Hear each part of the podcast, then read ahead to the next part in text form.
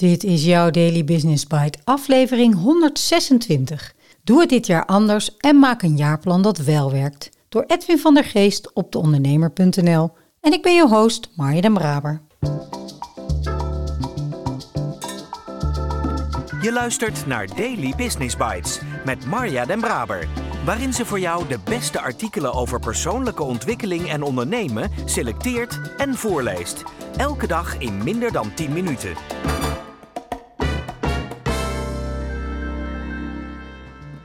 Dit is de podcast waar je kunt luisteren naar artikelen van experts op het gebied van ondernemen en persoonlijke ontwikkeling. Elke dag van het jaar in 10 minuten of minder. Uit de bijna oneindige stroom blogs en artikelen die geschreven worden, pik ik de meest interessante er voor jou uit. Let's start. Voor sommigen is de vakantie net achter de rug.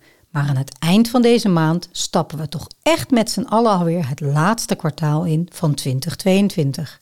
En ineens bedenk je weer dat je een jaar geleden met bloed, zweet en tranen een document had gemaakt voor dit jaar. Je weet wel, het jaarplan dat na Blue Monday niet meer uit de digitale lade is gekomen. In deze blog legt werkinnovator Edwin van der Geest uit hoe je dit plan niet uit het oog verliest. Nog altijd spreek ik rond deze periode met leiders die jaar op jaar een plan maken, met de overtuiging dat het dit keer wel echt nageleefd gaat worden. Tegen beter weten in, met dezelfde energie als vorig jaar. Want de plannen zijn prachtig. Maar waarom lukt het dan niet om die mooie plannen te realiseren en onder de aandacht te houden? Niet in de laatste plaats bij jezelf als ondernemer.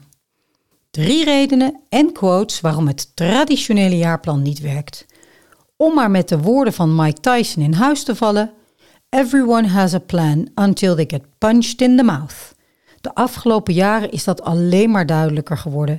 Neem de coronamaatregelen, maar ook de energiecrisis waar we nu in zitten. En dan heb je ook nog eens krapte op de arbeidsmarkt. Kortom, een jaar vooruit plannen is te ver voor een organisatie. We moeten het ook hebben over het samenstellen van het jaarplan. Ik heb me er zelf ook schuldig aan gemaakt. Je zit met het team bij elkaar, misschien op een inspirerende locatie. Je gaat helemaal los met de mooiste ideeën en plannen. Er zit een boel energie en ambitie in het team en dat is te gek. Maar dat zijn natuurlijk ingrediënten voor een onrealistisch plan.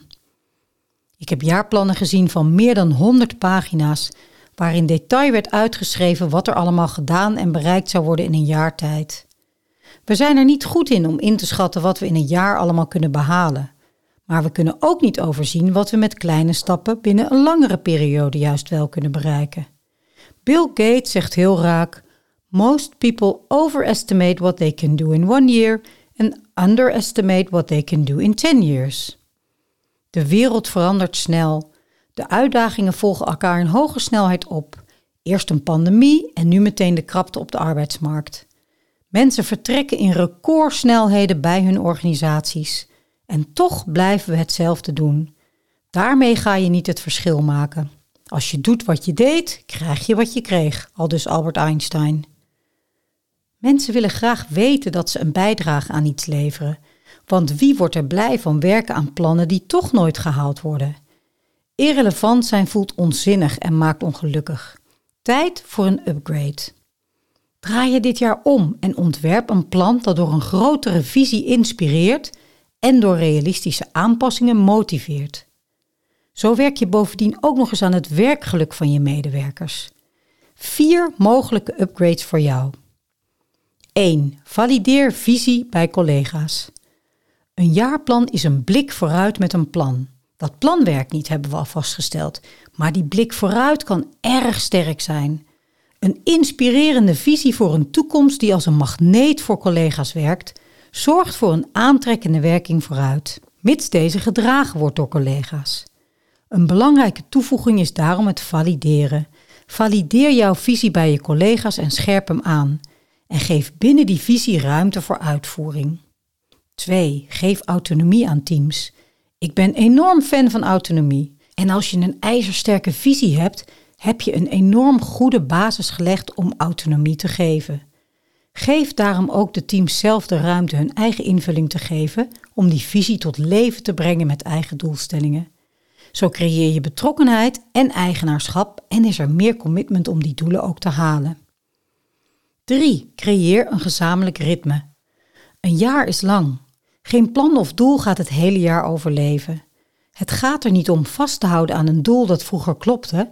Het gaat erom je aan te passen aan wat er nu waarde bijdraagt. James Clear, schrijver van Atomic Habits, zegt het duidelijk. You do not rise to the level of your goals, you fall to the level of your systems. Creëer dus een ritme waarin je gezamenlijk regelmatig je doelen gaat aanpassen aan de nieuwe omstandigheden. Een systeem dat je scherp houdt en zorgt dat je de juiste dingen doet. Zo maak je veel meer kans om je doel te halen dan je er krampachtig aan vast te houden. 4. Lerend vermogen maakt wendbaar. In lijn met het ritme is dit de uitgelezen kans om lerend vermogen te organiseren in de teams. Kijk in het ritme naar de juiste momenten en bouw daar sessies in waarin je evalueert. In agile termen heet dat een retrospective. Wat heb je geleerd en wat kun je gebruiken om aankomende periode nog beter te doen? Doe je dit regelmatig, dan creëer je veel wendbaarheid in je teams.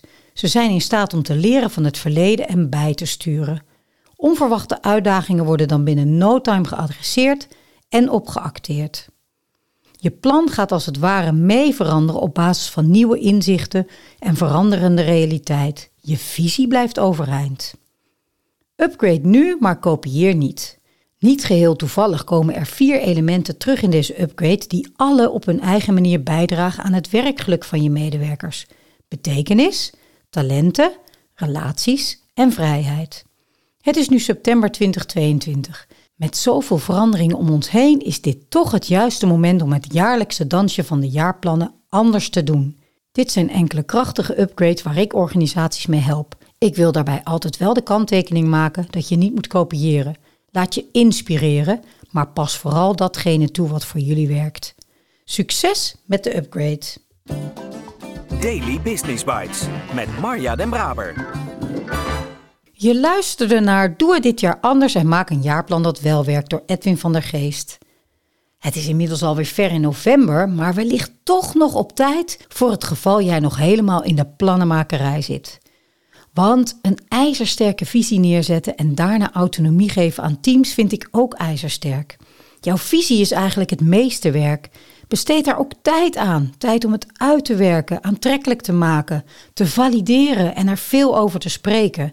Want het is gewoon een geweldig uithangbord en een magneet voor medewerkers, maar ook trouwens voor jouw klanten. Atomic Habit stond al op mijn leeslijst, maar nu zeker. James Clear die zegt: You do not rise to the level of your goals, you do fall to the level of your systems. Het is zo'n belangrijke reden waarom ik met teams minimaal in kwartaalritmes werk en in het jaartraject zelfs met wekelijkse, maandelijkse en kwartaalritmes. Want die ritmes die zorgen voor topresultaten bij onze klanten. Of het nou agile is, retrospectief, evaluatie, accountability, het maakt me eigenlijk geen zak uit. Maar duidelijk is dat systemen en ritme helpen. Ik ben heel benieuwd wat jouw systemen en structuren zijn en weet dat je me altijd een bericht kunt sturen om hier samen naar te kijken. Ze maken het verschil. Ik spreek je graag morgen.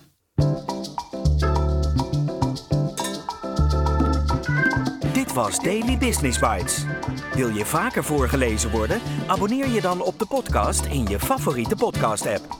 Meer weten? Klik op de links in de show notes.